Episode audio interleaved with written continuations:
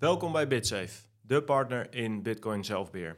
Mijn naam is Dirk en ik zit hier vandaag met Johan uh, voor een volgende aflevering. Yes, en uh, vandaag hebben we een gast en dat is uh, Bert de Groot. Bert de Groot is oprichter van Bitcoin Brabant en ook voorzitter van VBNL. Welkom Bert. Dankjewel. Ja, mooi dat je er bent. Het is een tijd geleden dat we elkaar gesproken hebben. Hoe is het met je? Ja, lekker uh, bezig. Ja? ja, zoals altijd. Jij, zit, jij zit nooit stil.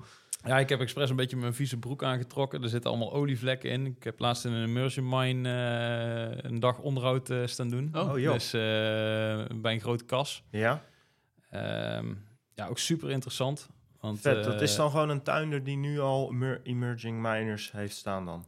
Ja, ja, ja. Dus uh, GreenTech, uh, wellicht ja. bekend. Mm -hmm. stonden die vorig jaar op Bitcoin Amsterdam? Ja, die stonden toen ja. ook op Bitcoin Amsterdam inderdaad. Ja. Die hebben in Nederland best wel wat locaties... waarbij ze zowel het net balanceren... Mm -hmm. als uh, warmte voorzien van de kas. Ja.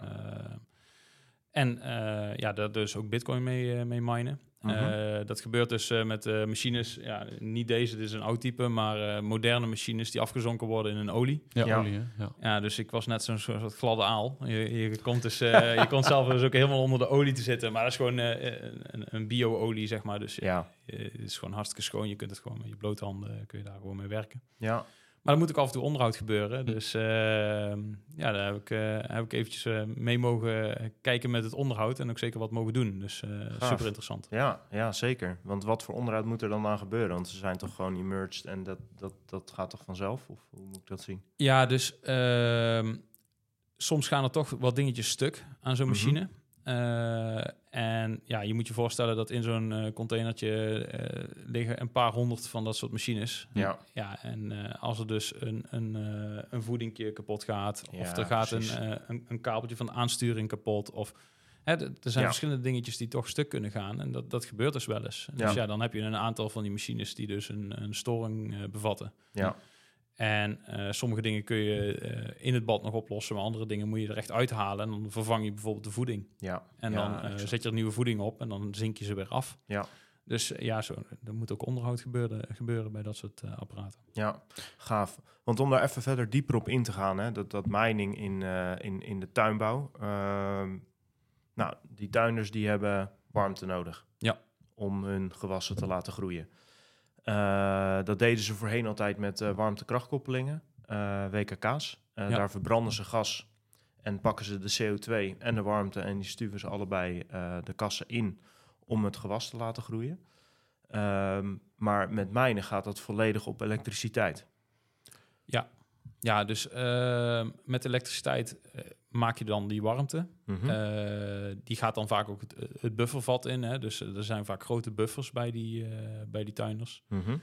En uh, dan kun je dus elektrisch kun je de, dan je kas verwarmen. In plaats van dat je of volledig afhankelijk bent van gas of biomassa of andere zaken die je vaak bij kassen terugvindt. Ja. Waarmee je dus ja, zonder te veel uitstoot je operatie voort kan zetten. Ja. Ja, en het is dus eigenlijk gewoon zo simpel. Je hebt elektriciteit die stop je in een computer. Die computer die produceert rekenkracht. Daarmee wordt bitcoin gemined. Ja. Dus je maakt, je mined bitcoin. Dat is gewoon een, een, een, hele kleine, tenminste afhankelijk van hoe groot, een stroom aan, aan bitcoin wat er binnenkomt. En eigenlijk alle energie die die miner gebruikt, die wordt omgezet in warmte. Ja, dus dat ligt één op één. Ja. Uh, zo moet je ongeveer tellen. Er zit wel iets verlies in, maar dat is echt heel nieuw. Mm -hmm. En uh, ja, je hebt dus een warmte uh, stuk wat, wat heel erg voordelig is. Eh, en waarom is het extra voordelig? Is juist vanwege de balans die we bij het net kunnen bieden. Dus we hebben een, een fluctuerend uh, net. Mm -hmm. uh, dat net moet constant gebalanceerd worden. Mm -hmm. En voorheen speelden de tuiners altijd de rol van het balanceren door middel van bijvoorbeeld infraroodlampen aan en af te schakelen. Ja. Uh, zodat het net in balans blijft, zodat we niet onze transformatoren opblazen. Mm -hmm. en, en nu kunnen we die functie vervullen met bitcoin miners. Ja. Nou, intussen denk ik dat dat op grote schaal al op meer dan tien plekken in Nederland gebeurt. Ik verwacht dat daar dit jaar nog vele plekken bij gaan komen. Dat is wel echt GreenTech die dat doet. Kijk, en wij doen dat dan op hele kleine schaal met Bitcoin Brabant. Dus eh, we hebben natuurlijk afgelopen jaar honderden eh, kleine installaties. Daar hebben we bij geholpen door gewoon de machientjes te verkopen. Eh, bij mensen thuis die stroom over hebben, hè, die willen zelf met hun dynamische prijzen spelen. Bij bedrijven waar stroom over is, daar ook te verwarmen. Dus ook een stuk gasvraag weg te vangen. Maar dat zijn kleinere installaties. En bij GreenTech praat je over megawatts. Ja. Dus dat zijn echt grote installaties die echt ook voor de netbeheerder uh, kritiek zijn om het net uh, te balanceren. Ja. En dat gaat dan in combinatie met de warmte voor die kas. Dus uh, ook ons voedsel komt daar dan uiteindelijk weer uit. Ja, ja dus ja, die gasten die doen dat met, met de grootte van een, van een zeecontainer. En, je, en jij bent er op, op, op instapbasis ben je, er, ben je ermee bezig. Ja, dus wij doen dat op kleine schaal. Ja. En het leuke is, wij, wij doen dat wat breder. Dus de vraag komt altijd, oké, we gaan uh, een minertje zetten, bijvoorbeeld in een magazijn. Dan gaan we een stukje gas uh, gaan we afvangen. Uh, we hebben daar toch stroom over. Oké, dan gaan we minen. Nou, dan was een aantal weken geleden. Dan kom ik bij zo'n magazijn en dan gaan we het hebben van... Oh god, hoe draait hij? Ja, het ding draait een jaar lang zonder onderhoud. Het is allemaal perfect. Hartstikke Mhm. mooi. Oké, nu hebben we een mooi bedrag aan bitcoin bij elkaar gemined. Ja. Hoe gaan we dat opslaan? Kijk, en dan kom je op die volgende stap. En Ja. eh, we hebben dat natuurlijk als een tussenoplossing, doen we dat gewoon eh, niet te moeilijk. Dus eh, voor kleinere installaties vaak gewoon op de mobiel. Dat vinden mensen fijn, wel met een backup uiteraard, maar Mhm. daar begin je vaak mee. Maar op het moment als die bedragen groter worden, dan moet je wel gaan nadenken van, goh, hoe ga ik dit nou op de lange termijn opslaan? Ja.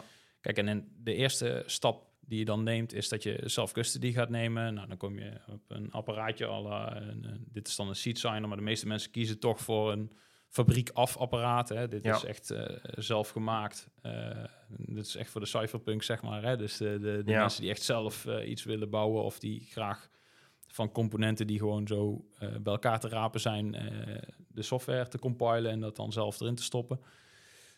Ehm, maar dit- dan gebruik je vaak een fabriek af- afapparaat. Nou, en dan zetten we dat samen met die klant, zetten we dat op. En dan is het in self-custody. Ja. Dat is de stap die op dit moment vooral bij onze klanten eh, genomen wordt. Kijk, en eh, de stap daarna, dat, dat zijn jullie pas. Ja. Kijk, en eh, dat zie je ook eigenlijk hoe dat het vaak verloopt in, in, in, het, in, in, in, in Bitcoin. Is oké, je gaat eerst inderdaad wat aankopen of je gaat wat minen omdat je wat stroom over hebt. Vind je Ja. leuk, dus daar ga je wat mee doen. En dan, ja, dat, dat echt zelf beheren van de Bitcoin, dat, dat komt pas later op je pad. Ja. En dat begrip daarvan komt pas later op je pad. Ja, dat is, eh, dat is zeker een reis wat wij ook zien eh, met mensen die ze doormaken. De eerste stap is gewoon al bitcoin aankopen. Hè. Koop maar eens een keer wat aan. Nou, vervolgens laat bijna iedereen die laat het lekker op zijn exchange staan. Nou, dan moet je het inderdaad, of kan je ervoor kiezen om het zelf in eigen beheer te nemen. Want dat, eh, nou ja, dan heb je toch de sleutels ervan. Dan ben jij er, heb jij altijd toegang, maar ben je er ook verantwoordelijk voor. En als het inderdaad over bedragen gaat die, die steeds groter worden, omdat eh, ja, als, als, als Bitcoin door de tijd eh, in waarde toeneemt, ja, dan is het inderdaad het vraagstuk van ja, eh, hoe ga ik om? wat als mijn huis afbrandt? Wat als ik overvallen word? Ben ik dan in de gelegenheid om mijn Bitcoin zomaar mee te geven? Of wat als ik mezelf tegen een boom aanrij? Ja, dat zijn dan vragen die, er, eh, eh, die dan op eh, komen spelen. Ja, en, en dan pas, of tenminste dan, dan, ja, dan komen mensen bij ons. Die zeggen van, goh, ik wil het gewoon goed geregeld hebben. Ik wil mijn nalatenschap wil ik, wil ik fixen. Ik wil erbij kunnen. Ik wil toch ook een partner hebben wanneer ik vragen heb. Want ik ga, ik ga me er zelf niet in verdiepen. Maar als ik vragen heb, dan, dan heb ik gewoon een loket waar ik langs kan komen om, eh, ja, om eh, met mijn vragen om, om daar antwoord op te, te krijgen. En de expertise, ja, dan, eh, dan komen ze bij ons inderdaad. Ja, Maar de vraag is dus altijd van, wie kan je vertrouwen? Want ik denk dat dat de kernvraag is. zeker.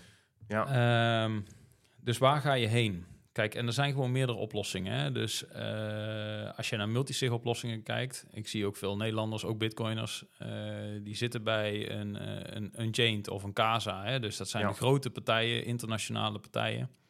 Amerika, Ja. ja. zit in Amerika, de, de base zit in Amerika. Alleen, wat gebeurt er dan met je data? ja, Dus je moet jezelf dan toch weer een stap terugzetten van wat gebeurt hier? Wa- wa- wa- Wat zet ik nu werkelijk op? En, en dat is eigenlijk eh, bij exchanges natuurlijk. Hè, dan, dan heb je je keys niet, weet je niet eens of de bitcoin er is. Mhm. Dat, dat kan bij sommigen wel. Dat ligt een beetje aan wat voor exchange je gebruikt. Ja, Eh, dan ga je naar self-custody toe. Oké, wat voor self-custody apparaat gebruik je dan? Kijk, wij hebben heel bewust gekozen voor open source. Dus je kunt de code checken, air-gapped. Dus er is geen fysieke verbinding met het internet. Plus eh, dat het bitcoin-only is, zodat het ook niet eh, met andere coins eventueel in aanraking komt, wat weer een hogere attack factor is. Eh, dat is een bewuste keuze. Er zijn maar drie apparaten op dit moment op de wereld die daaraan voorzien. Het merendeel van de mensen wereldwijd gebruikt andere apparatuur. Die andere apparatuur, daar is bekend van, daar zijn backdoors. Daar is bekend van, er Ja. wordt data gedeeld. Er is bekend, dus weet waar je aan begint als jij ook met self-custody die stap neemt. ja. En mensen verdiepen zich daar vaak niet genoeg in en kiezen dan toch voor het hè, meest commerciële, meest voor de hand liggende apparaat. Maar daarmee bouw je eigenlijk weer additioneel risico op. En dat is wel jammer om te zien dat we daar nog steeds niet, eh, niet zijn. En die stap dan naar jullie is ook weer: oké, wat ga je dan doen? Je kunt inderdaad een multisig bij een Amerikaanse partij doen, maar wat betekent dat? Jouw data komt dus bij een Amerikaanse partij te liggen. ja. En daar komt het eigenlijk iedere keer weer op terug. Wat, wat gebeurt er met, jouw eh, met jouw bitcoin? Eh, do- door wie is het zichtbaar? Ja. Eh, en wie kan daarbij? Wie- En wie heeft er uiteindelijk macht toe? Ehm, of kan macht forceren? En daarom moet je heel goed opletten bij wie of bij wat je te raden gaat, zeg maar. ja. En ik denk dat dat het grootste vraagstuk gaat zijn van de komende jaren. ja. Ja. Ik, Ja, ik denk ook dat een, eh, een toevoeging op wat, wat Bert zegt over hè, die Amerikaanse partijen. Ehm, ik denk dat heel veel mensen ook niet goed beseffen dat eh, ze moeten zich ook afvragen: oké, stel ik wil gebruik maken van hun recovery key hè, in een multisignature eh, wallet. Ja, is dat een, hè, zit daar een soort technische blokkade op, à la, à la Casa? hè, dat je dus eh, je, hebt, je moet antwoorden geven op geheime vragen, zeg maar. Als je die niet hebt, of Ehm, je denkt van, nou, ik heb multisignature, mijn na- nalatenschap is goed geregeld. Maar als ja, jouw vrouw of jouw partner ineens bij die bitcoin moet en, en Casa vraagt, oké, eh, geef maar eerst antwoorden op die vragen. En je zegt, ja, die weet ik niet. Jullie hebben die, eh, die, die sleutel, die key, dus eh, kun je die aan mij geven? Ja, nee, alleen als je dus die antwoorden hebt. En ehm, dus mensen moeten ook beseffen dat er een verschil zit tussen soort een ID-based ehm, recovery key en een, een soort technische, ehm, een, een, een key die met een technische blokkade wordt eh, bewaard. Eh, dus dat, je, je moet jezelf echt afvragen welke wil je. En er is geen goed of fout, alleen je moet wel weten welke keuzes je hebt. Ja. En in Nederland, voor, hè, voor Nederlanders voor, eh, die bijvoorbeeld naar, naar ons kijken, ja, bij ons ehm, het is, is het ID-based. Dus, eh, want van tevoren is het moeilijk in te schatten of niet in te schatten. Aan wie ga je al die eh, geheime eh, antwoorden eigenlijk geven? Voor hetzelfde geld ziet, zat die persoon bij jou in het vliegtuig. Ja. En als het ID-based is, dan gaat volgens de wet gewoon... komt het bij een volgende eh erfgenaam terecht. Ja, maar nou komt dus meteen de vraag, waar worden die ID's opgeslagen? Hoe sla jij een ID op? Ja. Ja, dus bij jullie is dat compleet anders geregeld Ja. dan dat je dat bij een Amerikaanse database doet. Zeker. Kijk, en jouw bitcoin wordt dus direct aan jouw ID gelinkt. En eh, Ja. dat is gewoon een risico. En de vraag is dus, hoe eh, gaan wij in de toekomst om met eh, bitcoin die gelinkt wordt aan jou eh, als persoon? Ja.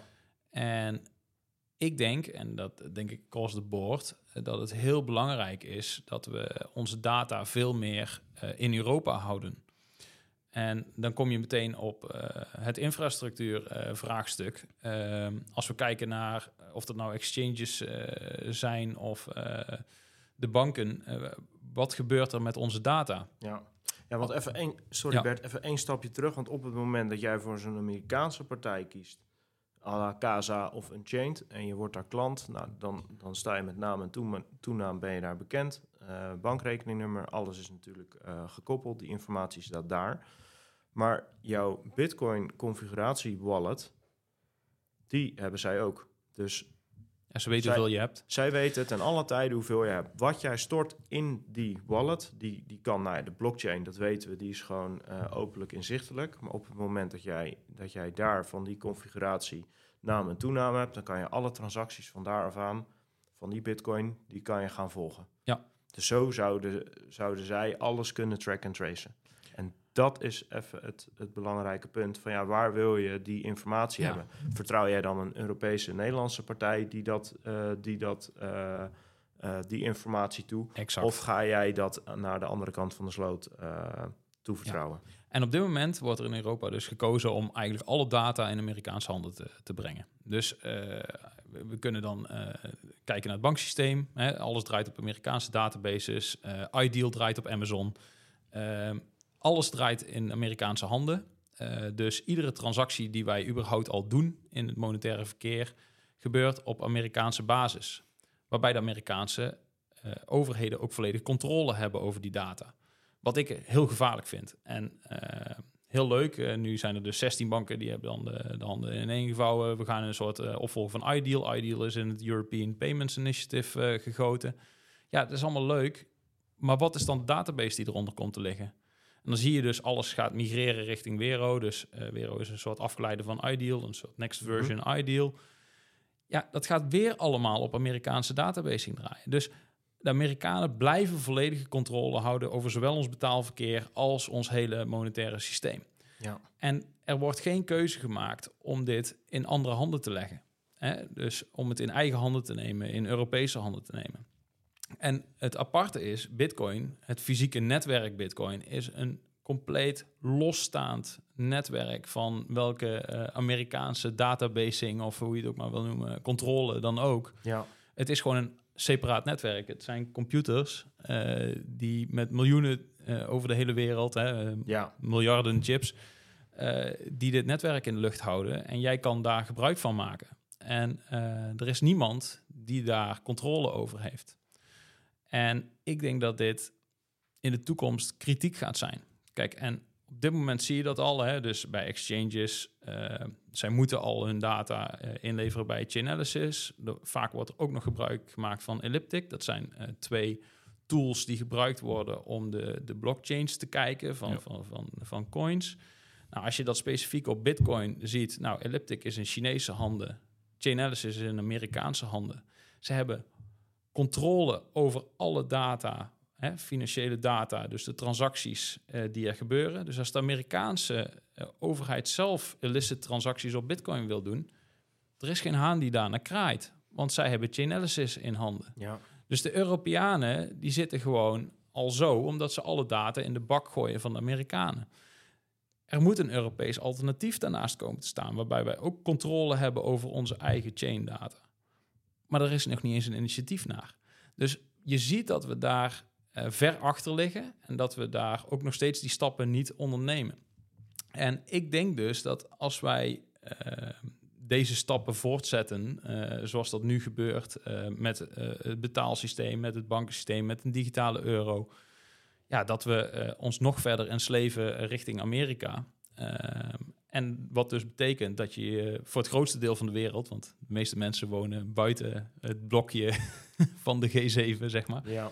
eh, je steeds verder gaat afsluiten van, eh, van het internationale handelsverkeer. Wat ook steeds meer gebruik gaat maken van het Bitcoin-netwerk, wat je nu al ziet. Zeker, ja. Oké, maar eh, kijk, wat we in Europa wel zien, is dat we wel met die wetgeving eh, nou ja, voorlopen. We zijn met MICAR zijn we, zijn we bezig. Daar zijn we nog geweest in, eh, in Amsterdam bij de AFM. Wetgeving, daar willen we wel allemaal op vooruit lopen. Maar ook ja, heel veel ontwikkeling, tech, komt allemaal uit Amerika. Gaan we die strijd verliezen? Hoe, hoe zie jij dat? Nou, de, de grap is dus, ik, ik denk dat er een kans is waarbij wij eh, Bitcoin omarmen. eh, en eh, er zullen plekken zijn in Europa die dat zouden kunnen doen. Kijk, MiCAR is natuurlijk een Europees framework, maar de uitvoering wordt natuurlijk nog steeds gedaan door de lokale overheden. En daar zal een verschil liggen in de interpretatie van hoe daar mee omgegaan moet, moet worden. En ehm, de plekken waar Bitcoin het meest omarmd wordt, daar zal, ehm, denk ik, economisch voordeel gehaald worden. Ehm, ja, ik, het doet me een beetje denken aan wat je nu ziet in Zwitserland. Hè. In Zwitserland gaat het qua bitcoin-ontwikkeling heel hard. Hè. Ik, heb gewoon een betaalkaartje. Dan kan ik mhm. lekker wat bitcoin opgooien. En dan kan ik overal met Lightning mooi betalen. ik kan belasting afrekenen in Zwitserland met bitcoin. Ik kan, hè, dus daar gaan ze heel hard. Uh, ik denk dat de landen die daarin het meest voorlopen, uh, een gigantische hoeveelheid uh, economische kracht naar zich toe trekken. En ik hoop dus, en dat, dat hoop ik ook vanuit VBNL een beetje te kunnen doen, is dat we ehm, in Nederland juist zo'n zo'n hub kunnen worden. En wat jullie ook hoorden, hè, jullie waren bij de AFM bij die presentatie en die bestuurder van de AFM, die, die, die zei ook heel mooi, ja, we weten, DNB was tegen, maar wij zijn neutraal. Ja. Hè? Dat was letterlijk wat hij zei. Ja. En ik denk dat dit al een heel belangrijk precedent is naar, naar waar het naartoe gaat. Kijk, uh, we zijn nu 15 jaar uh, in de race. Ik denk dat iedereen heel erg geschrokken is van wat er in 21 uh, gebeurde. Hè? Dat Bitcoin echt door het dak ging. Dat er echt miljoenen mensen in Nederland iets met Bitcoin deden. Ik denk dat men daarvan geschrokken is hoe snel dat dan gaat. En dat men denkt: oh, dit is gewoon gevaarlijk. Maar ik denk dat je het dus moet omarmen om uh, niet irrelevant te worden. Uh, en ik denk dat het voor de bank ook zeker een kans is om juist uh, iets met Bitcoin dadelijk te gaan doen. zodat je wereldwijde handel mogelijk houdt. Ja. ja, wat dat betreft, als, het, als, als Bitcoin inderdaad zo doorzet, dan, dan zit er zo gigantisch veel potentie in voor, voor de komende decennia's. Want dan zou het uit kunnen groeien tot een, uh, tot een nieuwe World Reserve Currency. Met internationaal betalingsverkeer en, uh, en dat soort zaken. Dus ja, ik, ver, ik verwacht. Standaard. Ja, ik, ik heb dit ook ooit al eerder geroepen. Kijk, als je ziet de uitbouw van mining, uh, hè, wat fysiek natuurlijk gewoon transactieverwerking is, in combinatie met dat kleine beetje delving. Hè, want ja. dat wordt natuurlijk nu steeds minder. En de mhm. halving komt eraan. Uh, als je kijkt wat voor investeringen er gedaan worden in Abu Dhabi, uh, natuurlijk een groot olieproducerende plek. Waarom doen zij dit? Ja, dat is niet om uh, in de toekomst dat gewoon af te blijven rekenen met dollars. Daar geloof ik helemaal niks van. Ik, ik denk echt dat als we die echte grote investeringen zien wereldwijd, en dat is ook in Rusland, ook in Iran, ook in China, mogen we leuk vinden of niet, eh, ik denk dat een heel groot deel van de wereldhandel gezetteld gaat worden op het Bitcoin-netwerk. En dat is onvermijdelijk, want we hebben conflict. We hebben nu ook gezien hoe dat inderdaad uh, bankrekeningen massaal worden geblokkeerd van mensen wereldwijd hè, die niet compliant zijn volgens de Amerikanen. Ja. ja, dan moet je dus naar de pijpen gaan dansen van een klein deel van de wereldbevolking, terwijl de rest van de wereldbevolking misschien wel die vrijheid van transactie wil uh, benutten. Nou, dan zal de BRICS misschien met een betaalsysteem komen. De Chinezen hebben die yuan. Maar overal heb je een centrale partij die zomaar even de stekker eruit kan trekken. En Bitcoin is het alternatief. Dus ik denk dat Bitcoin steeds verder zal gaan groeien. En we zullen dat gaan zien op, op termijn in een, een commodity markt, eh, in een oliemarkt. En als je door de geschiedenis kijkt, hè, of dat dan een Gaddafi is geweest, of inderdaad in Irak. Hè, Irak wilde met euro's gaan afrekenen, Gaddafi wilde met goud, uh, olie gaan afrekenen. Ja. Uh, daar komt vrij snel reactie uit op van de Amerikanen. Uh, dat wordt nu allemaal een stuk lastiger, omdat ja, Bitcoin blijft gewoon wel in het bezit van die groep mensen die het eigendom heeft van die resources en gedistribueerd ook nog eens. Uh, dus ook het afnemen van uh, wordt een stuk complexer dan ooit tevoren. Dus het is op zoveel manieren uh, een game changer dat ik denk dat we de komende jaren juist op dat Bitcoin vlak heel veel gaan zien internationaal. En de vraag is dus hoe gaat bijvoorbeeld Nederland zich daarin opstellen? En we hebben natuurlijk een heel leuk framework hè, vanuit de MICAR. En dan zie je nu ook in één keer allemaal regelgeving vanuit de, de EBA, hè, de European Banking Authority, komen heel restrictief, ook eh, richting mining, hè, want het is super schadelijk. Uh, er worden zelfs ehm, op dit moment uitvragen gedaan dat er mensen studies doen waaruit dan moet komen dat Bitcoin schadelijk is. Hè. Dat wordt dan ook weer gefinancierd vanuit Europa. Dat kan allemaal, alleen je graaft je eigen graf. Want je bouwt een muur. Dat is een heel leuk eh, plaatje van. eh, Die, die, eh, moet je misschien maar een Ja. keertje laten zien in de, in de podcast. ik- dat ik- is dat muurtje wat men, ja. men- Kijk, en dat is natuurlijk door de geschiedenis altijd zo. Je, je kunt jezelf afschermen van de wereldhandel. Alleen, ja, je graaft dan je eigen graf. Hè? In Noord-Korea brandt weinig licht. Ja. Kijk, ja, je sluit jezelf gewoon buiten. ja, je sluit jezelf buiten. En eh, degene die de meest open opstelling heeft, die wint uiteindelijk. Ja. En kijk, door de geschiedenis heen heeft Nederland wel die open opstelling gehad. En ik heb ook echt de hoop dat we, eh, dat we dit voor elkaar gaan krijgen, eh, juist in Nederland, omdat we wel de geschiedenis hebben met de ontwikkeling op Bitcoin. Ik denk dat wij eh, met de exchanges eh, het meest vooruitstrevend misschien wel eh, zijn geweest, maar we hebben de strijd verloren omdat ja, voornamelijk DNB er zo hard in is gegaan. En er is een kans om daar wat van terug te pakken. Maar op het moment als we met eh MICAR of nationaal onze eigen exchanges, onze eigen infrastructuur dusdanig veel schade aan, eh, aandoen, dat dadelijk alles wederom verloopt via Chinese of Amerikaanse handelsplatforms, eh, Binance, Coinbase, Ja.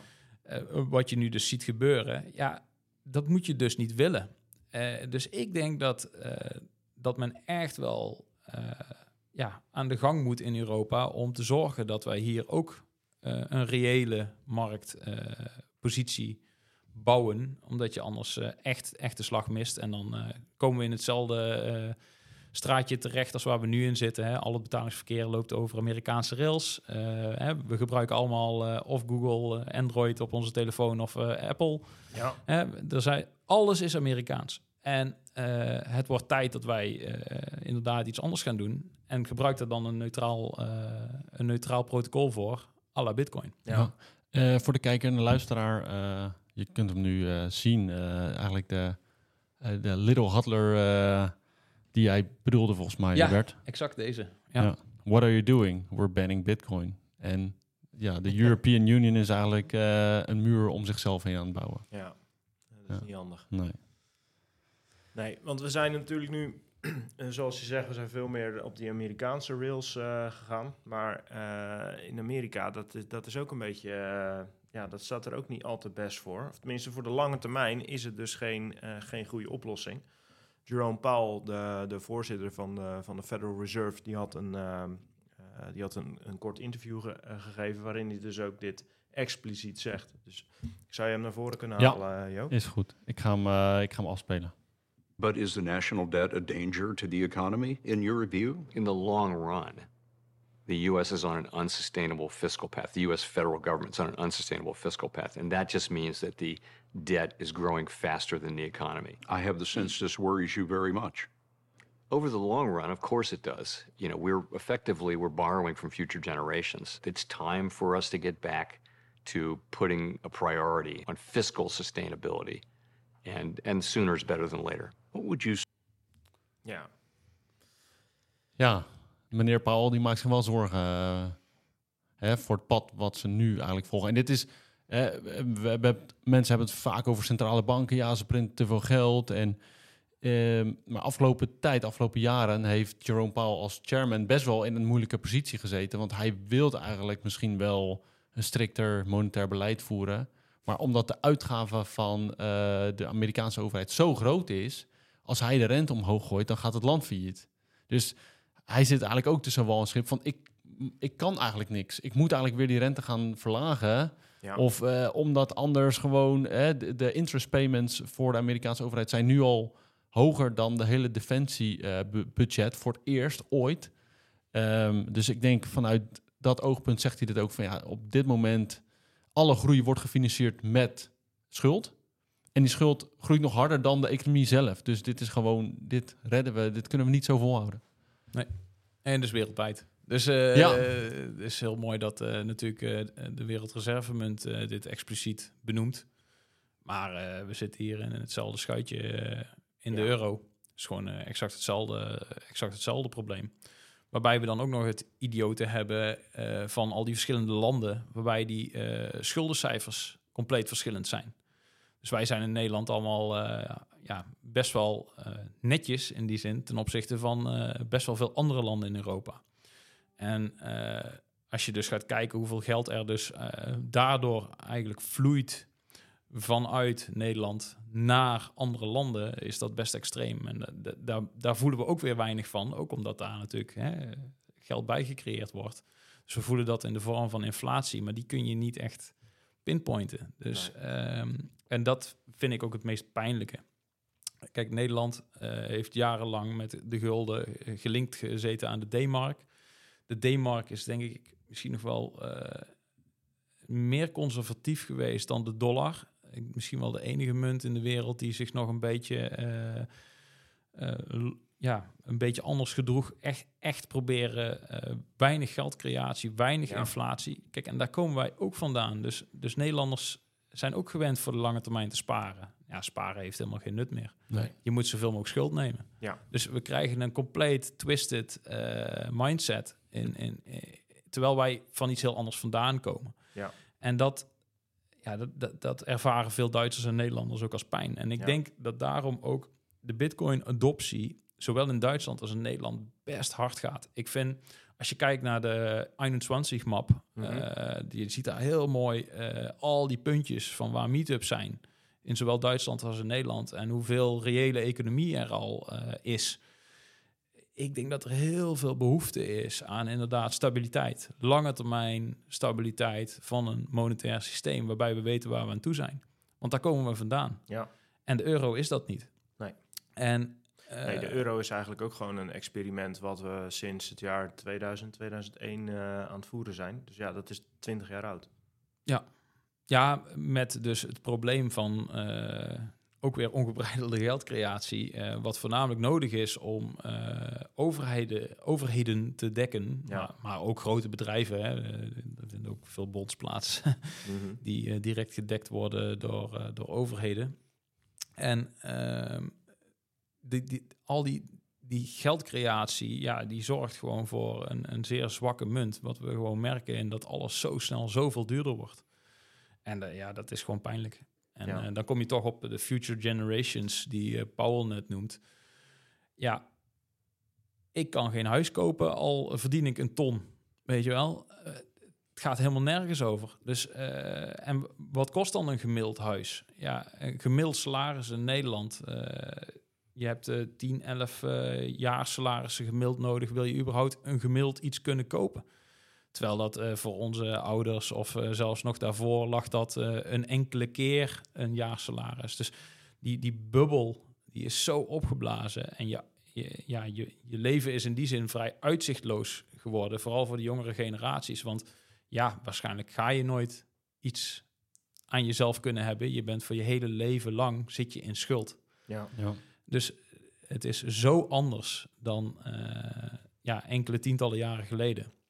En ik denk dat dat, eh, dat echt het probleem is waar we, waar we mee zitten. En ja, ik, ik vind het wel uniek dat eh, zo'n Paul dat dan nu ook benoemt. Zeker. Ja. Hij zei hiervoor trouwens ook dat het.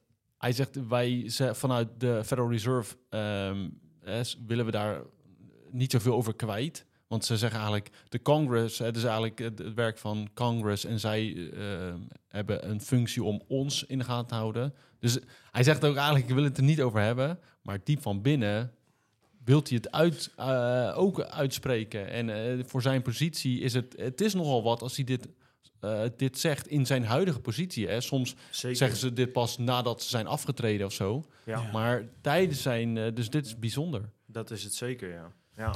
Nee, Want- ik denk exact wat je nu zegt. Kijk, de mensen die aan de andere kant van de tafel zitten, bij ons ook, hè, als we bij DNB zitten voor het begrotingsoverleg, of we zitten bij AFM aan tafel eh, voor, eh, voor de Bitcoin-partijen. De mensen aan de andere kant van de tafel willen ook het beste. Ja. Ja. Alleen, dat beseffen we ons eh, vaak niet. Hè. Het wordt binnen de Bitcoin-cirkels en vooral de wat meer extremere, daar zitten er ook een aantal bij, de, de noodrenners die af en toe wat, wat meer anti zijn. Ja, dat is allemaal Ja. hartstikke mooi, maar het, merendeel van de mensen is natuurlijk gewoon, heeft, heeft, de, heeft de juiste bedoeling. Zeker. En eh, het is alleen heel moeilijk te bevatten eh, en te begrijpen eh, hoe een ander systeem er dan uit zou kunnen zien. En is er dan een uitweg? Ja.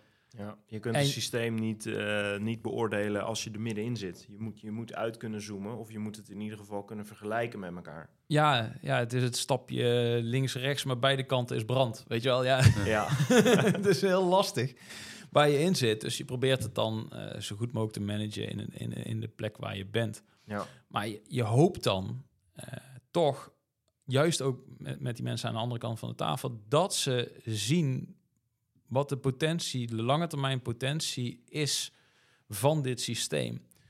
Wat echt eh, zowel vrijheid als ook ehm, ja, echt economische verbetering eh, zal betekenen voor, voor het land, zeg maar, maar ook voor de, echt jouw toekomstige generaties. ja, Kijk, ik heb eh, een jonge zoon, maar ook de mensen aan de andere kant van de tafel hebben kinderen.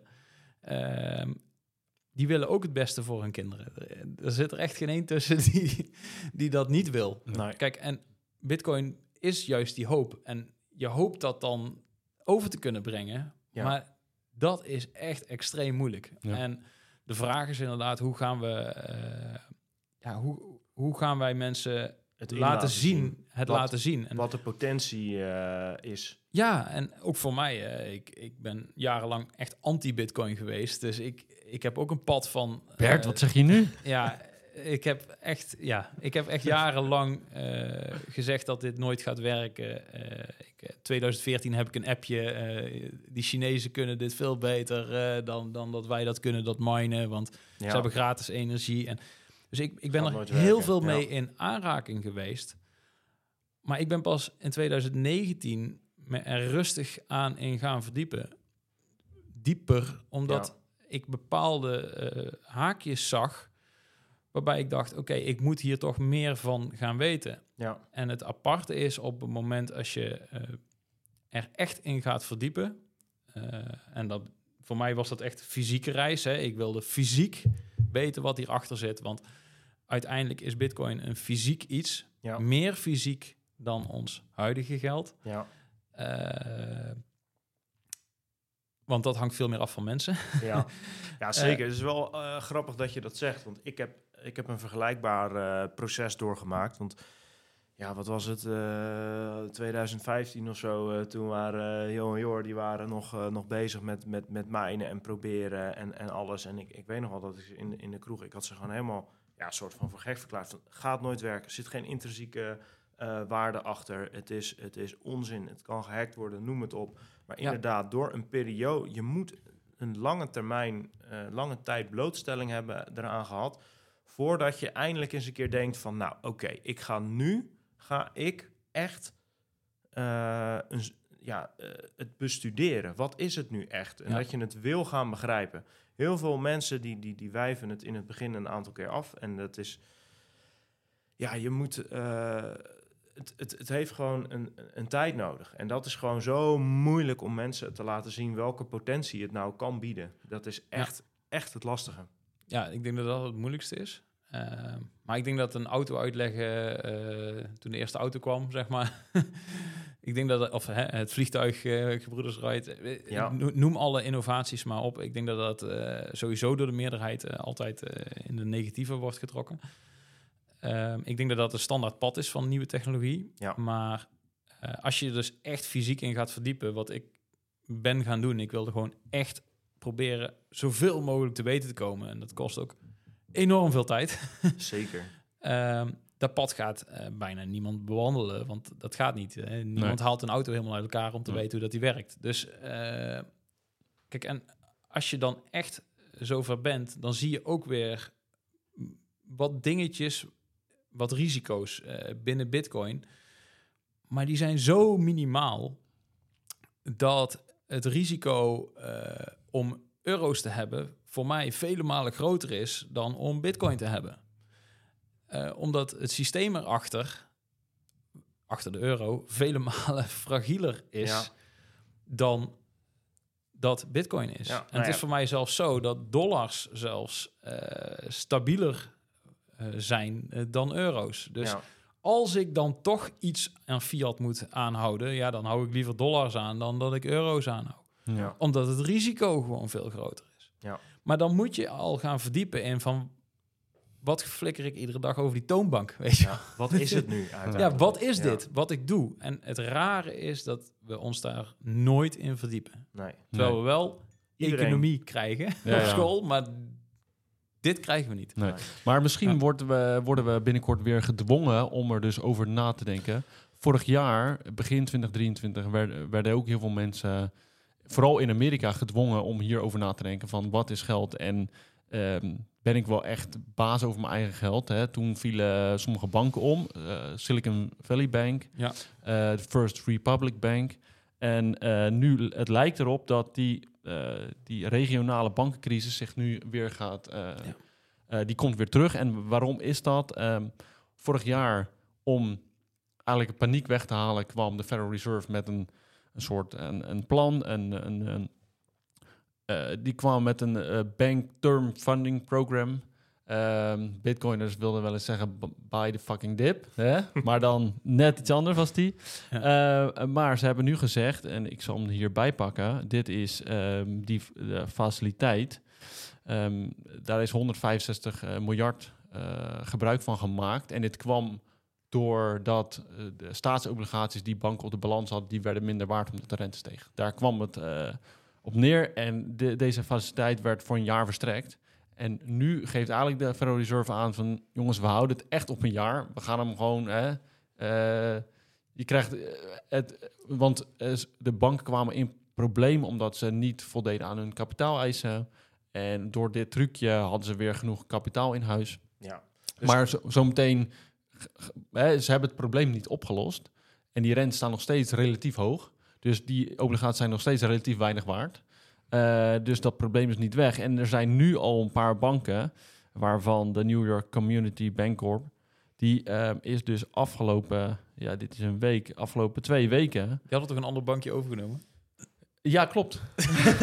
Volgens mij wel. Ik kan dat uitzoeken. Maar die is, jongens, we hebben het hier over min 61% in twee weken. En je, je hebt dus een, ehm, een, een, eh, een regional banking ETF, eigenlijk een index op, op de Nasdaq.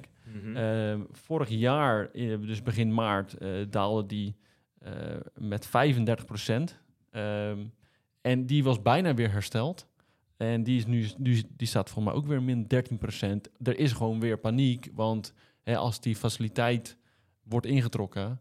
dan zijn er gewoon weer regionale banken die te weinig eh, kapitaals, eh, Ja. kapitaal hebben.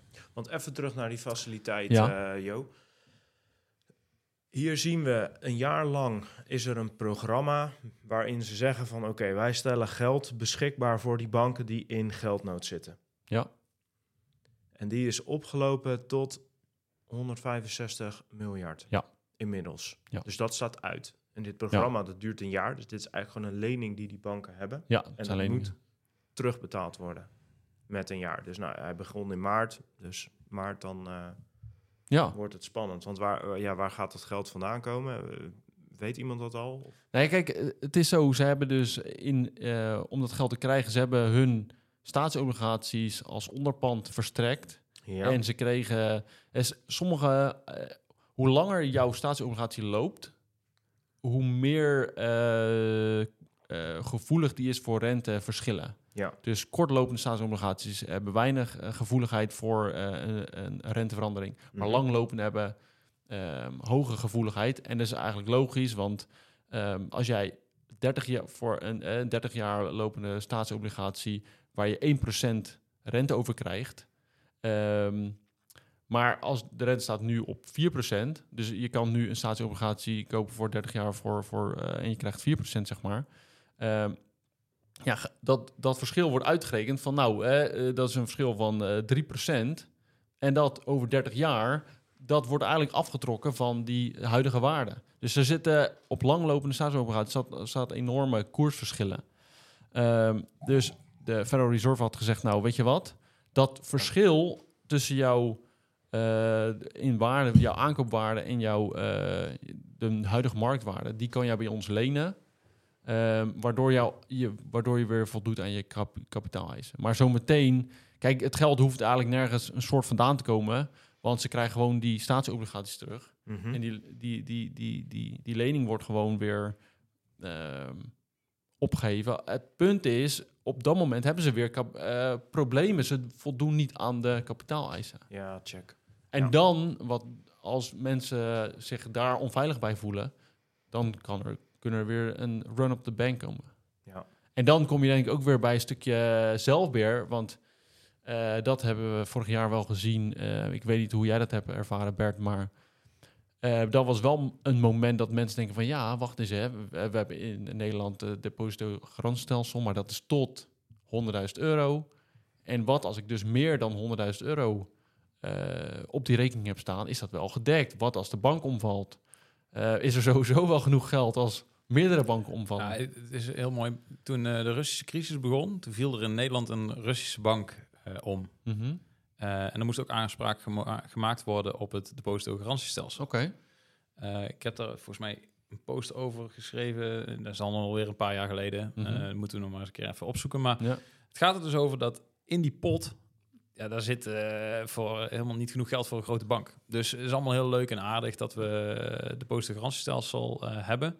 De overheid zal dat dan waarschijnlijk weer dekken. Oftewel, we betalen het weer met z'n allen. Ja. Mhm. Daar komt het dan op neer. Ehm, maar mensen vergeten dan dat dat wederom betekent dat er een enorme devaluatie is van het geld. Ja. En eh, ik denk dat je constant terug moet naar de vraag: wat heb ik? Hè, wat is Ja. van mij en wat is er fysiek? Kijk, eh, terugkomend op die euro. Die euro eh, heeft waarde omdat eh, de overheid dat enforced. Hè? Dus dat, dat, dat heeft dan een bepaalde waarde. We moeten daar belasting in betalen. In Zwitserland hoef je daar geen belasting mee te betalen met de euro. Dat doe je dan in de Zwitserse frank of met bitcoin bijvoorbeeld. Hè? Dus daar wordt dan die, die fysieke blokkade, zeg maar, die je hebt van... oh, ik moet echt euro's hebben, wordt dan weggenomen. Omdat je dan op een gegeven moment steeds meer in bitcoin kan gaan afrekenen. Maar de euro, er zit niet echt iets achter als zijnde een fysiek object, een eh, fysieke, eh, fysiek tastbaar iets. Eh, bij Bitcoin is dat dus vele malen meer tastbaar, omdat dat deze machines zijn, miljoenen over de hele wereld. Ja, Dat zijn transistors die allemaal in een bepaalde status staan om je te beschermen van jij hebt zoveel Johan, jij hebt zoveel Dirk. Dat staat allemaal vastgelegd op miljoenen chips die allemaal op een bepaalde stand staan. Ja. Dat is fysiek. Mensen vergeten dat dit gewoon een fysiek iets is. ja. En Want- alles wat je bij de bank hebt, oké, hoeveel databases zijn het dan? En dan komen we ook weer terug over welke databases zijn het dan, waar we het net over Ja. hadden. Hè? Waar staan ze? ja, waar staan ze? Eh, en inderdaad, eh, dat, dat die ene en nullen die daar dan in die database staan, ja, die heeft dan misschien nog ergens een andere fysieke backup of misschien meerdere backups. Maar waar staan die dan? En op welke hardware draait dat dan werkelijk? Is daar eigenlijk toegang toe ja. vanuit ook buitenlandse mogendheden? Of kan er iemand centraal bepalen wat daarmee gebeurt? En het antwoord op al die vragen is gewoon eh, ja. En het probleem wat je dan dus hebt, is dat iedereen zich toch weer terug moet gaan afvragen: oké, wat heb ik fysiek? En het enige wat je dus fysiek hebt, is bij Bitcoin echt hè, deze 24 of 12 woorden, is maar net waar je voor kiest. Daar, dat is een adres en dat is dan gebackt met miljoenen computers wereldwijd, waarbij er staat: oké, op dit, deze code, daar staat echt werkelijk iets. Hè? Ja. Ja. En dat is ook overal te verifiëren. Dat is een uniek iets op een apart netwerk door niemand gecontroleerd. Ja, want het is En- een standalone netwerk wat, wat draait, waar alle transacties, waar heel de historie op staat. En allemaal die, die runnen ze dezelfde kopie en wordt die iedere 10 minuten wordt er een stukje aan toegevoegd, wordt Ja, het gecheckt. Met eventueel een transactie. Hè, een transactie Ja. doe je eigenlijk... Hè, heel veel mensen zeggen altijd van, wat is dit nou eigenlijk? Nou, ken je een random reader of een, eh, weet je wel, zo'n eh, zo'n readertje van de ABN of een... Het is eigenlijk een aftekenapparaat. Ja. hè? Ja. Zo zou je het eigenlijk haast kunnen zien. Ja. Het enige wat je doet is, dit is de sleutel Juist. en dit is het aftekenapparaat. Ja. Ja, En het is allemaal fysiek. Want jij wil fysiek, wil jij die ene en nullen in een andere status brengen. En Ja. dat betekent dus dat het van mij naar jou is gegaan. ja, Dat is, eh, het is gewoon een grootboek, punt. ja, En eh, de vraag is welk grootboek gebruik je? ja. En het grootboek, de euro, eh, is een heel gecentraliseerd grootboek met een aantal machthebbers die exact bepalen eh, wie wel en wie niet mee mogen doen. Ja, En hoe verder wij in eh, een ja, toch wel wereld in conflict komen, hoe lastiger het wordt om überhaupt iets met die euro te kunnen doen. En je ziet dus ook dat mensen steeds meer van die restricties ervaren. Dus eh, als je nu eh, bepaalde wat grotere bedragen wil overmaken, krijg je een belletje. Krijg je, hè? Dus wat is van jou? Nee, die euro is gewoon niet van jou. Plus eigenlijk als je erover nadenkt, wat is nou de waarde daarvan? ja, En die vraag moeten steeds meer mensen zich gaan stellen om überhaupt op dat pad van Bitcoin te komen. En ik denk dat in heel veel landen wereldwijd eh, die vraag steeds meer al gesteld wordt, omdat daar veel meer problemen zijn. Ja. En ik denk niet dat wij die problemen niet zullen gaan krijgen. Eh, de vraag is echter wel wanneer. ja, En als ik een eh, Powell net hoor, dan eh, klinkt het wel zo van... bereid je voor, eh, we, we, we moeten wat pijn gaan pakken... Ja. omdat anders de toekomstige generaties naar de klote gaan. ja. Dus Maar Ja. wat we nu gezien hebben de afgelopen twintig jaar, eh, d- d- er is, er is geld, de, de, de geldhoeveelheid die is vergroot iedere keer. We zien dat, eh, dat inflatie eh, toegenomen is. We zitten nog steeds op hetzelfde traject. De huizen zijn, zijn heel erg duur geworden. Nou ja, en met eigenlijk het traject zal veel. nooit stoppen. Nee, Het exact. kan, het maar kan dat niet is, stoppen. dat is waar Dus- ik naartoe wil ja. gaan. Kijk, Ja. waar staan wij nu op dit moment? Je, je komt van school, je hebt een studieschuld. eh, je wil een woning eh, kopen, iets. Ja, de bank ziet je aankomen.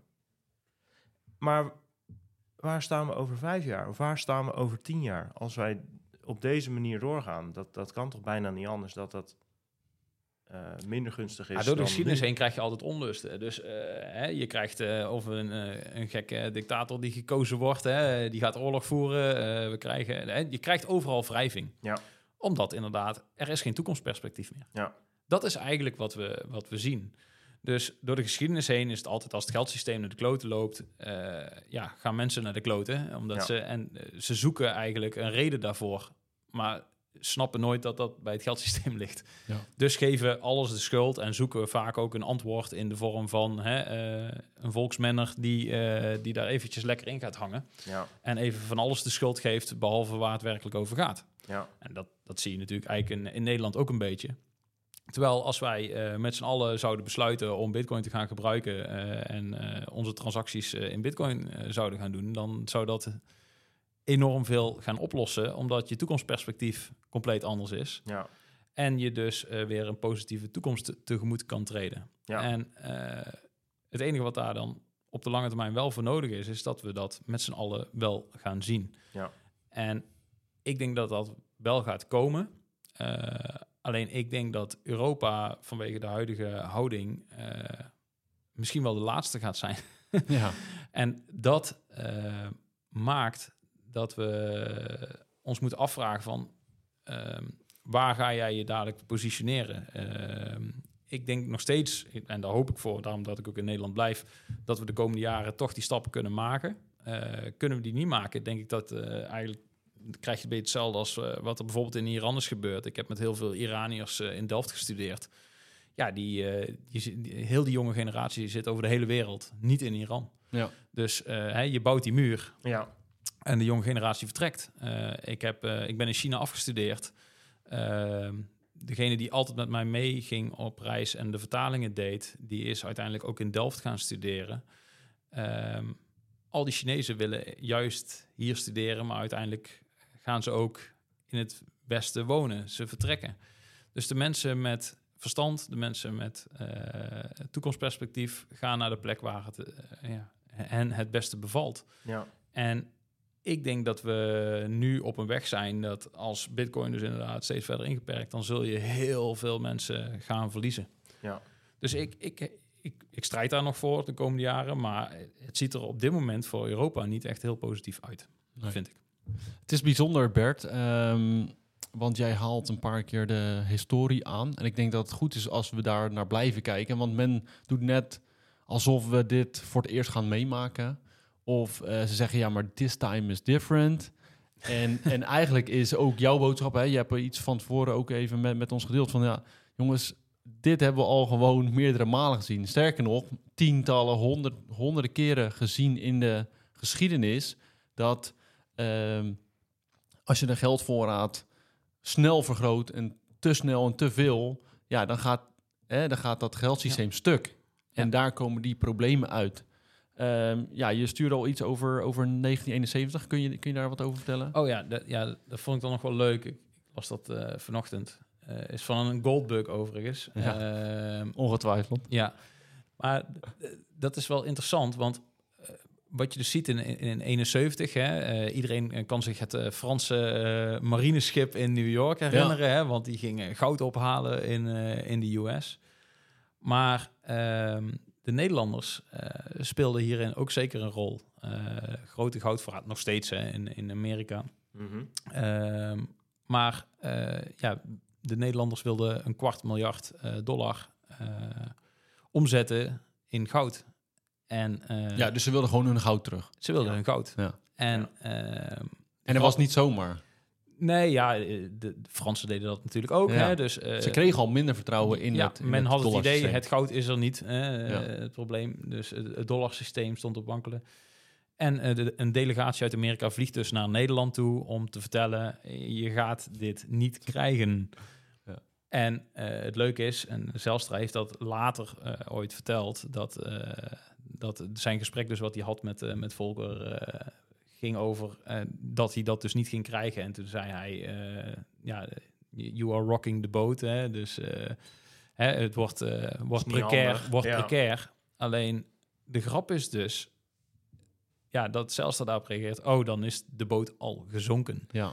Kijk, en we leven dus al meer dan 50 jaar gewoon in reservetijd. En eh, mensen beseffen dat eigenlijk helemaal niet. We zijn met een prachtig eh, experiment bezig en eh, er zit geen enkele solide basis onder. Nee. En eh, nu komt er uit een heel andere hoek in één keer een innovatie eh, die wellicht die solide basis eh, zal kunnen gaan geven. Maar die staat wel helemaal buiten eh, de systemen die we de afgelopen honderden, eh, ja, zelfs nog langer, eh, misschien zelfs wel duizenden, eh, als, je, als je echt kijkt naar hoe goud een, belangrijke rol altijd speelde, eh, met daarna uitgaves van, eh, echt wel een gigantische gamechanger gaat zijn. En ja, Bitcoin gaat deze rol gewoon hoe dan ook vervullen, in welke vorm dan ook wereldwijd. De vraag is inderdaad welke plek eerst. En ehm, hier hadden ze geen keuze. Dus de, hè, de, uiteindelijk het verhaal wat, wat hier nog een beetje omheen hangt met, met, met dat goud is. ehm, Amerika heeft heel veel eh, legerbasissen in eh, Duitsland. Eh, Duitsland wilde toen ook een goudsysteem opzetten. Samen met Nederland en Frankrijk. Hè, dus eigenlijk hè, een, Mhm. een euro-achtig systeem gebaseerd op goud. Want hè, de Amerikanen die hadden de Europeanen vernacheld. En de Amerikanen hebben toen met eh, een enorme machtsuitoefening even laten weten dat eh, Duitsland daar geen keuze in heeft om eh, daaraan mee te doen. Zij zullen naar de Amerikaanse pijpen moeten blijven dansen. En je ziet dat dat nu nog steeds zo is. En dan kom ik toch weer terug op dat stukje hardware, het stukje fysieke stuk wat onder ons monetair systeem ligt. De euro draait op Amerikaanse systemen. Punt. Als wij zeggen wij gaan de euro echt zelf draaien, we gaan zelf een systeem eh, in de lucht eh, brengen waarbij wij 100% macht hebben over onze munt, ja, dan trekken ze het hele systeem onderuit. Dus de, de machtspositie van de Amerikanen is eh, door de geschiedenis heen gewoon best wel eng, vind ik. En we moeten niet de illusie hebben dat wij daar gemakkelijk onderuit komen. En dan kom je toch wel weer op het uh, Hayekian uh, stuk, uh, is je kunt het alleen maar in een sly roundabout way doen. Ja. Dus we hebben bitcoin nodig. Ja. En ik hoop dus dat we in Europa uh, die lichtpuntjes zien en dat we dat oppakken en dat we daar wat mee gaan doen. En zelfs, uh, ja, kijk naar, uh, ja, mensen zullen het misschien niet kennen, maar David Marcus bijvoorbeeld van uh, ex-Facebook, ex-PayPal, ja. ja. belangrijke technisch directeur daar, heeft jaren en jaren lang gewerkt aan onafhankelijk betaalsysteem, zowel bij PayPal als bij Facebook. En keer op keer lukt dat niet. Waarom lukt dat niet? Ja, omdat er dus een overheid is die de macht heeft over dat systeem. En op het moment dat zij geen volledige controle hebben over het systeem, dan maken ze het kapot. Hij geeft ook heel duidelijk aan: Bitcoin is het enige systeem wat tegen deze eh, krachten bestand is. Ja. Dus bouw ik nu al, hij is al jaren aan het bouwen en nu heeft hij dan dat product klaar. En dat is dan voor de echte grote bedrijven, hè, voor de tienduizenden transacties per seconde. Hè, dat faciliteert hij al. Dus op dat Lightning-netwerk, uh, dat heeft hij gebouwd, omdat hij dat ziet als enige kans. En ik denk dat we binnen de komende jaren ook echt gaan zien dat een aantal uh, mensen, toch wel belangrijke mensen in onze samenleving, toch die keuze gaan maken. We moeten wel richting Bitcoin, want wat er nu gebeurt is dus unsustainable. Dus we moeten dat parallele systeem inrollen. En ik denk dat we dat ook binnen de registratie van Mika bijvoorbeeld al een beetje zien. Dus uh, als we kijken naar betaalsystemen, de grote Amerikaanse dienstverleners zijn een heel eind met het integreren van toch een stukje Bitcoin betalingen in de achterkant. Dus uh, wij hebben Ideal. Uh, Ideal, waarom voegt Ideal niet het knopje Bitcoin betalingen toe? Mm -hmm. ja, dat ziet er in de verste verte niet naar uit dat het gaat gebeuren. Ehm, maar de betaalsystemen die uh, in Amerika draaien, lijkt wel steeds meer op dat die toch een stukje daar in uh, die richting zullen gaan bewe bewegen.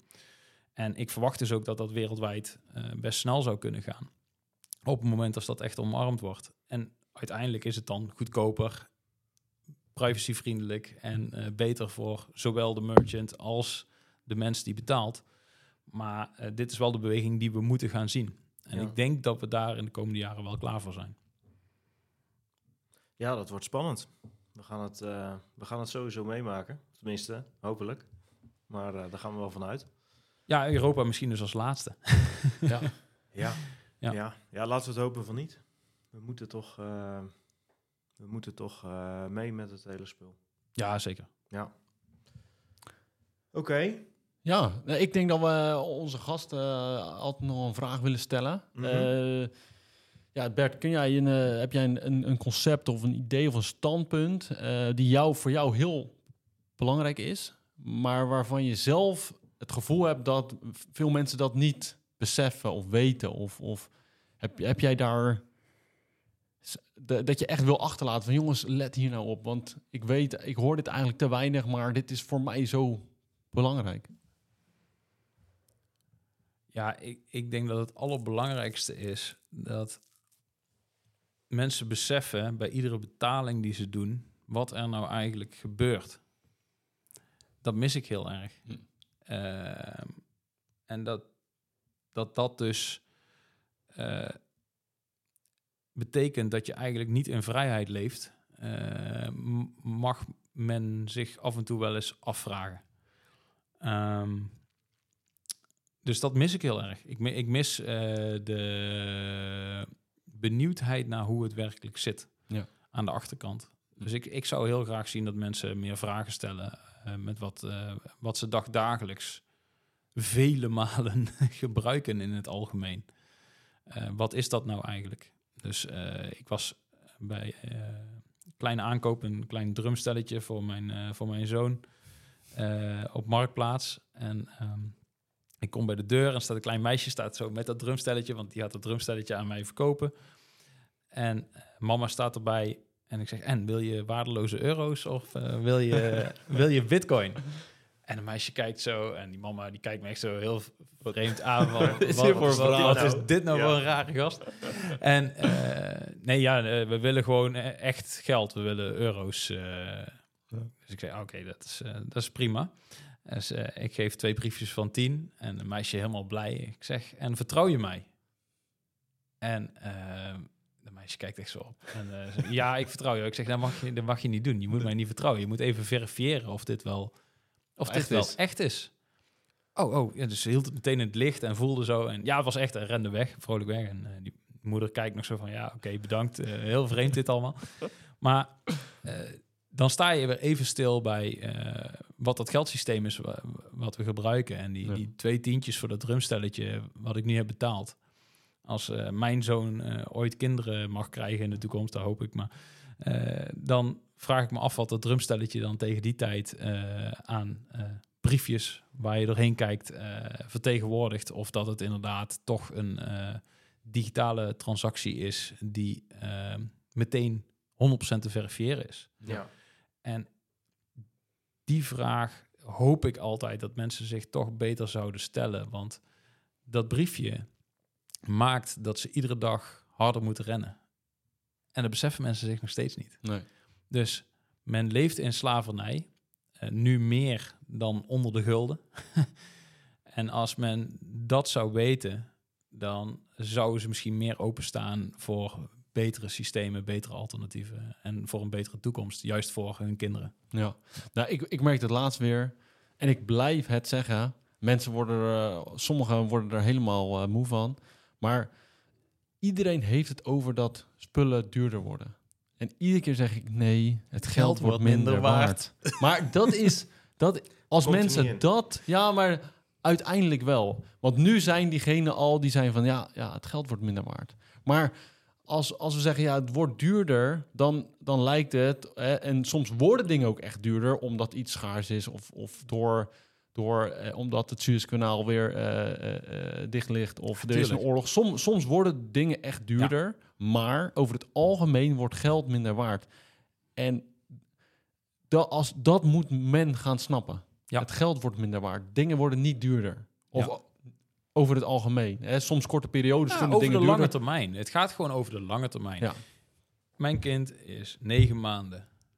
Als die twintig is, moet hij kunnen gaan studeren. Net zoals dat ik heb gedaan. Ik heb een prachtige studie gehad van mijn ouders. Ben ik heel erg dankbaar voor. Daardoor heb ik heel veel mogen zien van de wereld. Heel veel geleerd. Als ik die kans wil ik mijn, mijn zoon kunnen geven. Hoe spaar ik dan? Ja, Dat is echt een, een een hele simpele vraag voor iedereen die jonge kinderen heeft. Hoe kan ik ervoor zorgen dat op het moment als die 20 is, hè, een beetje studie kost, zeg even 30.000 euro op dit moment. Ja. Oké, tegen die tijd is dat dan 3 ton, zeg maar even iets. Hoe ga ik 3 ton sparen dan? Hoe ga ik sparen dat hij kan gaan studeren dan? En misschien heb ik daar nog wel meer kinderen. Ik wil eigenlijk dat ze allemaal. Hoe gaan we dat voor elkaar krijgen? Die vraag kan denk ik op dit moment bijna niemand beantwoorden.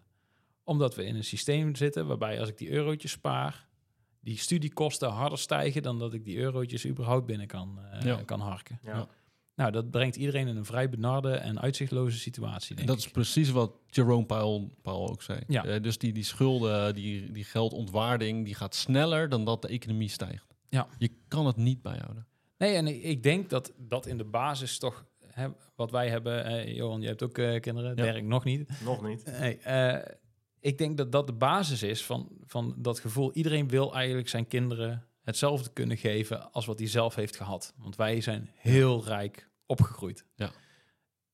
En ik denk dat het heel moeilijk wordt om dat mijn kinderen te geven, of voor jou, omdat jouw kinderen, omdat je echt wel eh, ja, op bepaalde manieren dus moet denken over die toekomst. En die toekomst is veel meer onzeker dan in onze ouders hun tijd. En eh, ja, daar, daar is Bitcoin het antwoord op. En eh, dat is heel bijzonder, want ja, wij zien dat dan nu, maar heel veel mensen zien dat nog niet. En ik denk dat dat wel eh, in de maatschappij zorgt voor een, ja, een niet zo'n fijn, fijne tendens op dit moment nog. Ja. Mooi. Ja. Hebben we nog andere dingen die we hem eh, willen vragen, Jo? ja, eigenlijk of jij eh boekaanbeveling hebt. Ik weet dat je... Ja, ik lees Graag, natuurlijk, eh, lees natuurlijk zo'n beetje alles wat ik van Bitcoin kan lezen. Ja. Ehm, maar mag...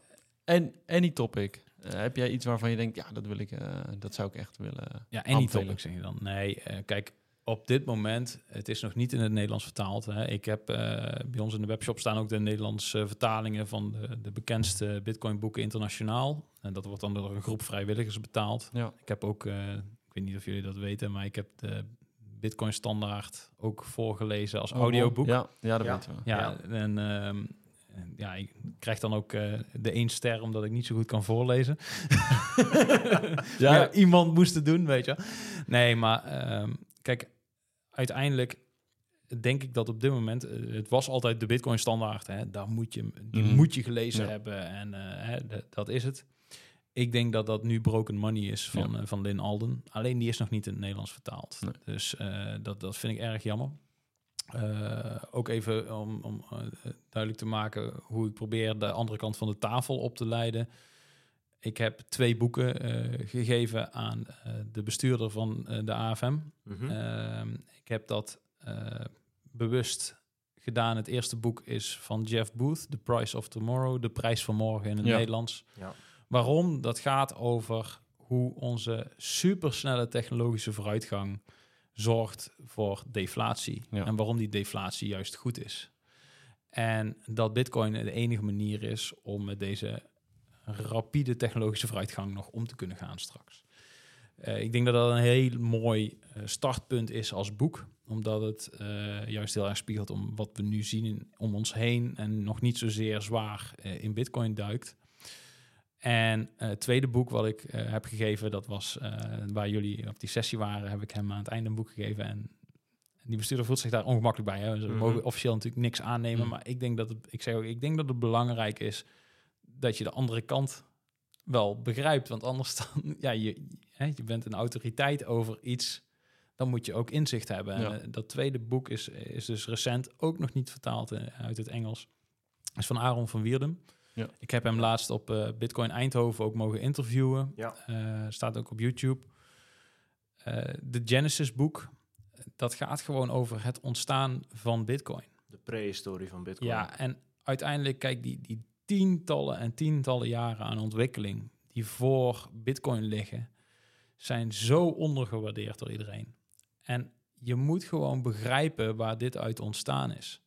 Om te bevatten waarin we überhaupt nu leven. Ja. En ik denk dat hij dat heel mooi en genuanceerd neerzet. Door ook eh, bijvoorbeeld Hayek al- als een Ja. leidraad mee te nemen ehm, in dat boek. En ja, ik zou dus ook echt iedereen aanraden.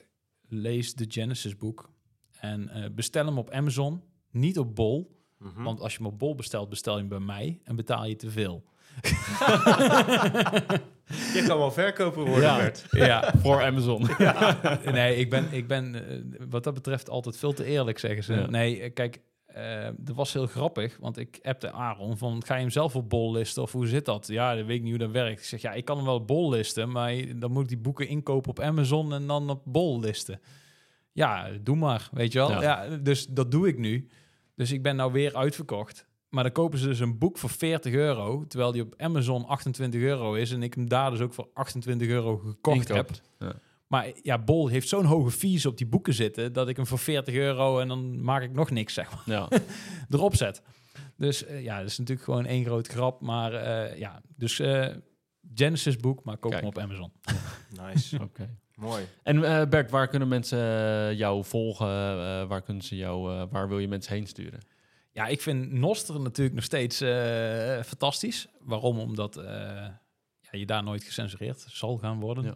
Dus eh, dat is gewoon Bert. Dan ga je waarschijnlijk wel, als je Primal of iets anders gebruikt, kun je op Bert mij meestal wel redelijk vinden. Anders staat mijn NPUB eh, ook gewoon op mijn X-account. Ja, we zullen alles in de show notes Ja. trouwens ook zetten. Ja, en Dus dan NPUB. BDG, B de Gro- eh, BDG Bert de Groot is mijn naam op X. Ja, Ehm, ja, en daarnaast heb ik natuurlijk gewoon LinkedIn. Ik denk overigens dat LinkedIn meer gebruikt zou moeten gaan worden door bitcoiners. Hm, ja. Eh, hoe meer we dat gebruiken, hoe meer genormaliseerd het wordt.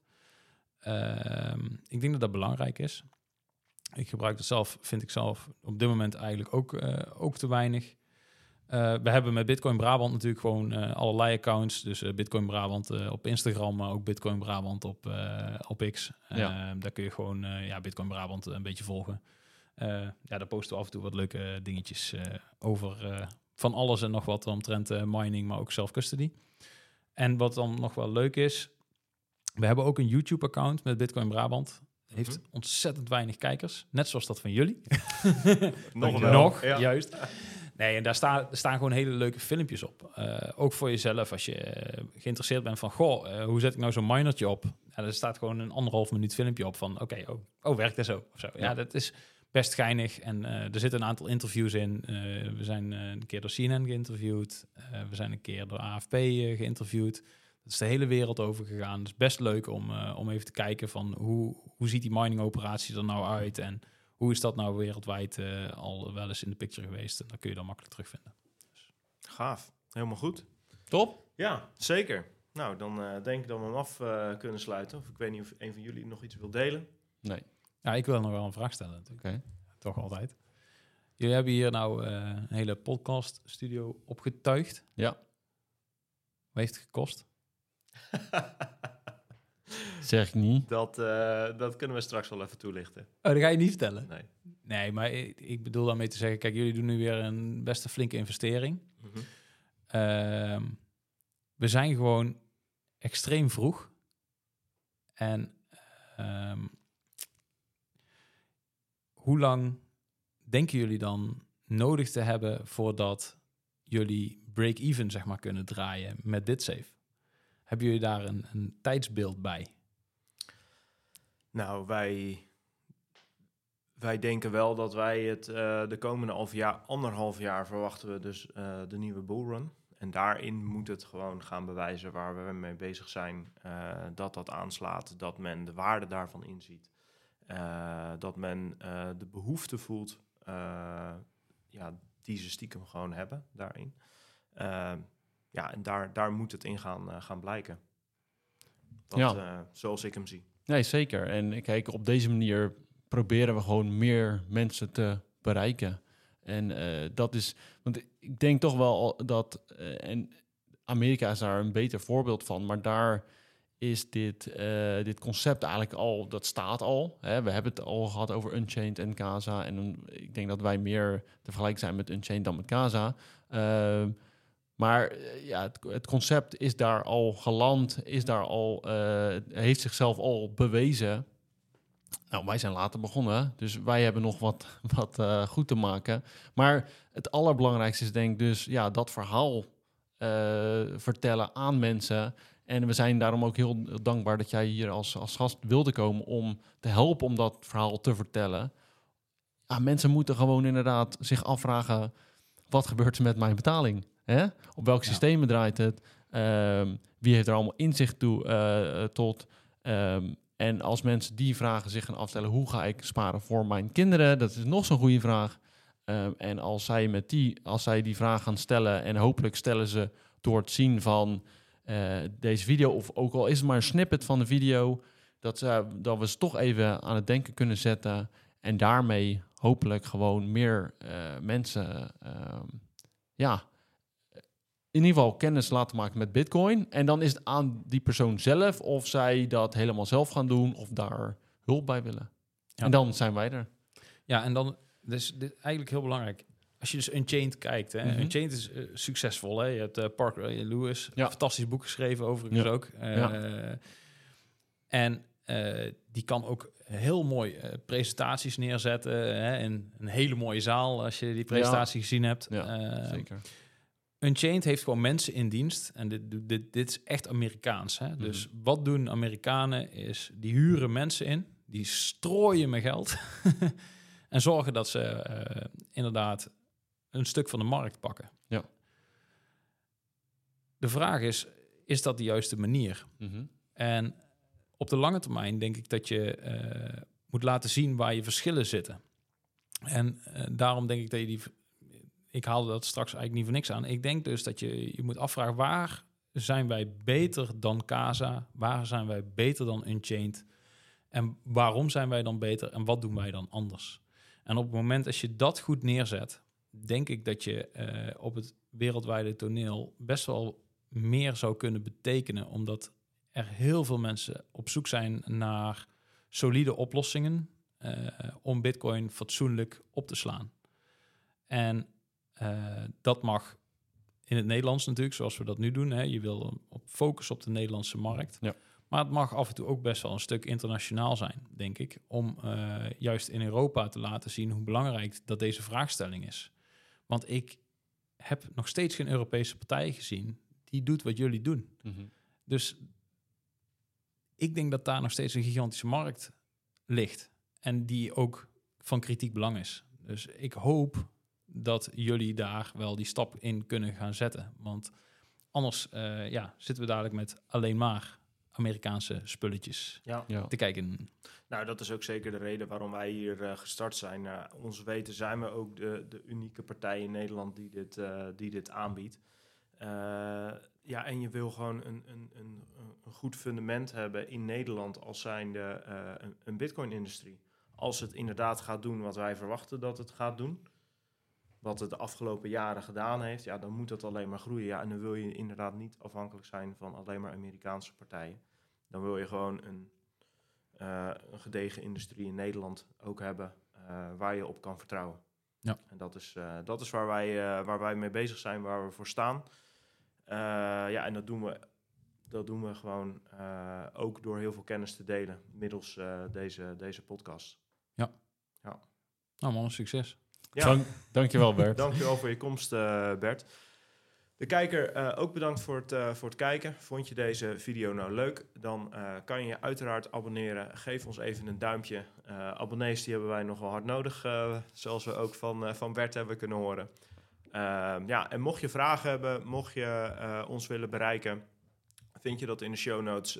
laat je comments achter, vragen wat je wil. Of doe dat persoonlijk door persoonlijk met ons contact op te nemen.